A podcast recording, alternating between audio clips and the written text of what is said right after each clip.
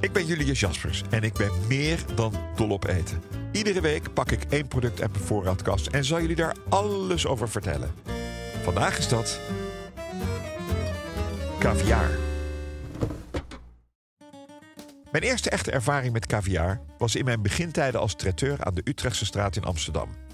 Ik had het wel eens geproefd, maar mijn ouders waren, ondanks dat ze enorm van lekker eten hielden, geen fervente caviareters. Ik denk dat ze het gewoon te duur vonden en daar begrijp ik alles van. Als traiteurtje maakte ik meatloaf, kipmosterd en chocolademousse en haalde ik het niet in mijn hoofd aan caviar te beginnen. Tot er zich op een zaterdag in december, ik denk in 1984, een meneer met een buitenlands uiterlijk bij mijn kassaatje meldde met de vraag of ik geïnteresseerd was in caviar uit Iran. Ik had geen idee. Ik wist niets van het spul af.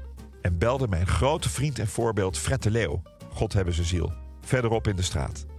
Nou Jul, dat spul kost me inkoop een piek per gram. Als je het voor de helft kunt krijgen en het smaakt niet naar verrotte vis, doe ik met je mee. De man had een blik van, ik meen anderhalve kilo. Het smaakte niet naar dode vis, dus een uur later had Fred anderhalf pond kaf in de vitrine... en had ik mijn trouwste klanten gebeld en was ik bijna los.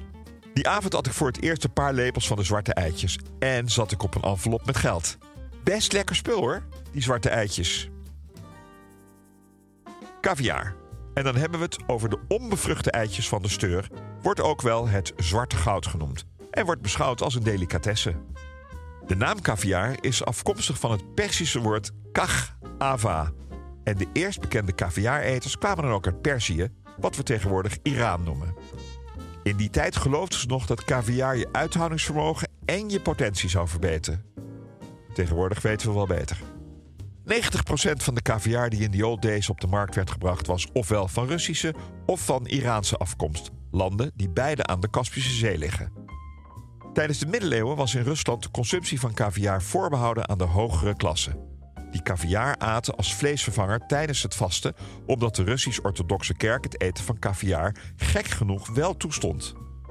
Terwijl tegelijkertijd in Europa caviar werd beschouwd als voedsel voor de boeren. Ondertussen werd caviar ook in de Verenigde Staten geclasseerd als volksvoedsel vanwege de immense vangsten in de rivier de Delaware langs de Atlantische kust. Pas rond 1780 ontdekte een Griekse handelaar de Russische caviar en ging deze aanprijzen als luxeartikel. Na de Russische revolutie van 1917 kreeg caviar in het Westen de status van goede smaak, doordat veel Russische aristocraten naar Parijs verhuisden. De broers Petrosjan, die een deal hadden met de Russische regering voor de exclusieve exportrechten, presenteerden het product op de wereldtentoonstelling in Parijs in 1925, waarna Charles Ritz, zoon van de Zwitserse hotelier César Ritz, het caviarverbruik onder de high society stimuleerde.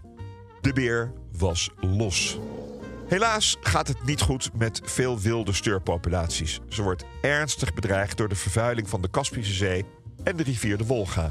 De sterke daling van de waterspiegel in de Kaspische Zee, denk aan bijna een halve meter per jaar, de overbevissing in het verleden, de arbeidsintensieve productiemethode en het feit dat de steur al een redelijke leeftijd moet bereiken eer de caviar geoogst kan worden. En vergeet niet dat het niet zo is als bij een kip die een lekker eitje legt. Elke vis moet gedood worden om caviar te kunnen oogsten. Sinds de jaren 90 wordt er in meerdere landen geëxperimenteerd met het kweken van steur, speciaal voor caviar, wat een tijdrovende en dure bezigheid is. Er zijn proeven gedaan met een zogenaamde no-kill caviar, het melken van de steur waarna hij verder leeft. Maar ook daar speelden kosten een dusdanige rol dat je er eigenlijk niets meer van hoort. Kweekcaviar wordt geproduceerd in landen als Frankrijk, Italië, de Verenigde Staten en Uruguay maar ook in België en Nederland. En uiteraard, niet te vergeten, as always, China. De hamvraag van deze week gaat over caviar en komt van Max van der Weijden. Beste Julius, kent u een goedkoper alternatief voor caviar? Dank. Nou Max, eh, een goedkoper alternatief voor caviar zijn andere viseitjes. Als je echt lekkere viseitjes wil gebruiken, zou ik zalmeitjes nemen. De forel-eitjes lijken daar erg op, uh, maar die zijn wat, wat gladder en hebben iets minder smaak. Bij de zalmeitjes heb je echt wel een beetje fishy, lekkere fishy smaak. Ze zijn alleen een stuk groter dan uh, de echte caviar-eitjes. Um, gaat het puur om decoratie, kan je ook uh, lompvis-eitjes, haringkuit. Uh, er zijn allerlei goedkope viseitjes te koop. En dan ook nog vaak in allerlei ongelooflijk nare en vooral enge kleuren. Knalrood, knaloranje, knalgroen. Dan heten ze bijvoorbeeld ineens wasabi-eitjes. Hebben ze een lik wasabi doorheen gedaan. Enfin, er zijn heel erg veel alternatieven. Maar als het je echt om de smaak gaat, zou ik uh, even drie jaar geen caviar eten. En dan in één keer van je gespaarde geld gewoon een goede pot kopen. In één keer leeg eten, heerlijk. We kennen een aantal soorten caviar en die hangen samen met het type steur, de vis.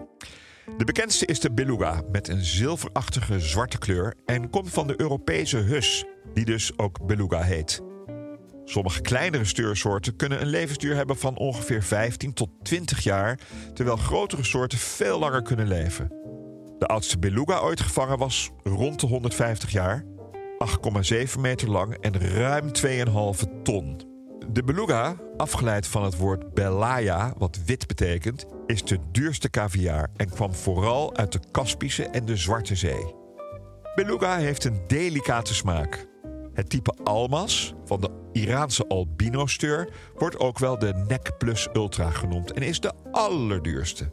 De textuur van de eitjes is ongelooflijk zacht, romig en heeft een nootachtige smaak. De volgende in de lijn is de Acetra caviar van de diamantsteur, ook wel de Russische steur, en is zwart, groen, grijs van kleur. Deze steur is een stuk kleiner dan de beluga, maximaal 2 meter, maar komt wel uit dezelfde gebieden. Als je er in Europa een tegenkomt, wat hoogzelden gebeurt, is hij ontsnapt uit een vijver of een siervishandel. Geen grap. Acetra caviar heeft ook een licht nootachtige smaak. Sevruga, nummer 3, komt van de spitssnuitsteur en is donkergrijs. De steur heeft een soort wipneus en is de kleinste van het stel, maximaal anderhalve meter en een kilo of 20, 25. Ze worden niet ouder dan 25 jaar en zijn na een jaar of 10, 12 geslachtsrijp, dus vol met eitjes. Van de Sevruga wordt het vlees ook voor een hoop geld verkocht, om bijvoorbeeld te roken, te grillen of te frituren.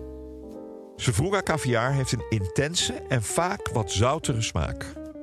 Sterlet caviar zijn kleine donkere eitjes, ook weer uit de Kaspische en Zwarte Zeeën en hebben een wat boterachtige smaak. Last but not least, althans van de echte caviar, is de Kaluga caviar. En die komt van de Siberische Huso, die woont in de Siberische rivier de Amur, op de grens tussen Rusland en China, all the way in het oosten van Azië. Er zijn natuurlijk nog andere eitjes die caviar worden genoemd. Ik noemde ze al even bij de hamvraag, maar dat mag eigenlijk niet. Zoals zalmcaviar, eitjes van de forel, de lompvis die vaak worden gekleurd, de haring en de Sardijnse botarga. Die wordt gemaakt van eitjes van de harder. Voor vegetariërs is er ook goed nieuws. Er bestaat namelijk ook imitatiecaviar, gemaakt uit algen. En die is best te doen.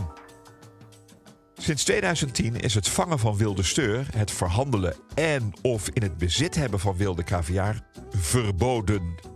Het is een economisch delict waar hoge straffen op staan. Je kunt er dus van uitgaan dat de caviar die je in de winkel koopt of in restaurants eet van de gekweekte steur komen. Die er zomaar 10 à 15 jaar over doen om tot een redelijke oogst te komen. En dat kost geld.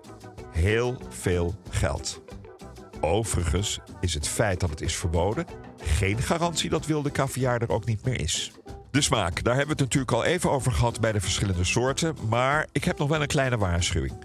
Caviar die zwaar naar vis smaakt en erg zout is, is niet goed. We willen juist een soort boterachtige smaak die niet te heftig is. Of een beetje nootachtige smaak is ook fijn. Wat betreft calorieën moet je denken aan 264 per 100 gram. Maar ik zal me meer zorgen maken over de blini, de toastjes, de crème fraîche en het fijn gehakte ei wat er vaak bij wordt geserveerd. Om nog maar niet te spreken over de grafkoude wodka. Welke caviar je nu koopt en waar die vandaan komt, het is allemaal een kwestie van smaak. Dus het kost je sowieso al een beetje om dat uit te vinden. Er is een Nederlands merk, Anna Dutch. Er is Royal Belgian. De caviar van House of Caviar is goed. Je Persian en het eerder genoemde Petrosian is nog steeds een grote partij, maar dan moet je wel naar Parijs. Belangrijk is zeker wel dat de caviar goed koud, maar beslist niet bevroren wordt geserveerd. Je eet het met een parelmoeren of benenlepel, beslist niet met roestvrijstaal of zilver. Dat smaakt heel raar. Caviar proef je het beste door een lepeltje op je hand te doen, op het deel waar de duim bij de wijsvinger komt. Opslurpen en heel rustig de eitjes door de mond en over de tong laten rollen. Veel mensen denken dat malosol ook een type caviar is. Dat is niet zo. Malosol betekent niets meer dan dat de caviar licht gezouten is. Caviar wordt ook gebruikt in cosmetica. Het vertraagt huidveroudering en maakt rimpels minder zichtbaar. Daarnaast worden je bestaande rimpels minder diep en het herstelt de glans, de zachtheid en de levendigheid van je huid. Dat kost wel wat zo'n potje. Volg me op Instagram, Julius Jaspers, om het resultaat zelf te zien. Tot slot ga ik een gouden tip met jullie delen. Jaren geleden baatte ik met mijn G6-vrienden een restaurantje uit op de Millionaires Fair, wat tegenwoordig Masters of Luxury heet. Alwaar handelaar Ashkan Mossafayan van House of Caviar bij ons langskwam met een lekker blik vol eitjes en een zak verse walnoten. Hij leerde ons dat ze in Iran, en daar weten ze heel goed wat ze doen, walnoten gebruiken als een transportmiddel voor de caviar. Waar wij een toosje en de Russen een blin, het is één blin en twee blini, by the way, gebruiken, gebruiken zij een walnootje. Onbeschrijfelijk lekker, terwijl ik helemaal niet van walnoten hou. Gebruik zo vers mogelijke, onbehandelde walnoten, kraak ze, lepeltje kaf erop en meteen opeten. Waanzinnig. Klik op de link in de beschrijving van deze aflevering voor een aardappelsalade met caviar. Een beetje zoals ik hem een keer at bij de juwelier in Amsterdam. Om nog maar even in de Utrechtse straat te blijven. Dat was hem over caviar. Zeker niet alles, maar best wel wat. Wil je meer weten over iets in je voorraadkast? Stuur me dan een berichtje via Instagram. Of ik weet het al, of ik zoek het voor je uit, maar ik geef altijd antwoord. De volgende keer heb ik het over oliebollen. Want het is bijna oudejaarsavond. Dag.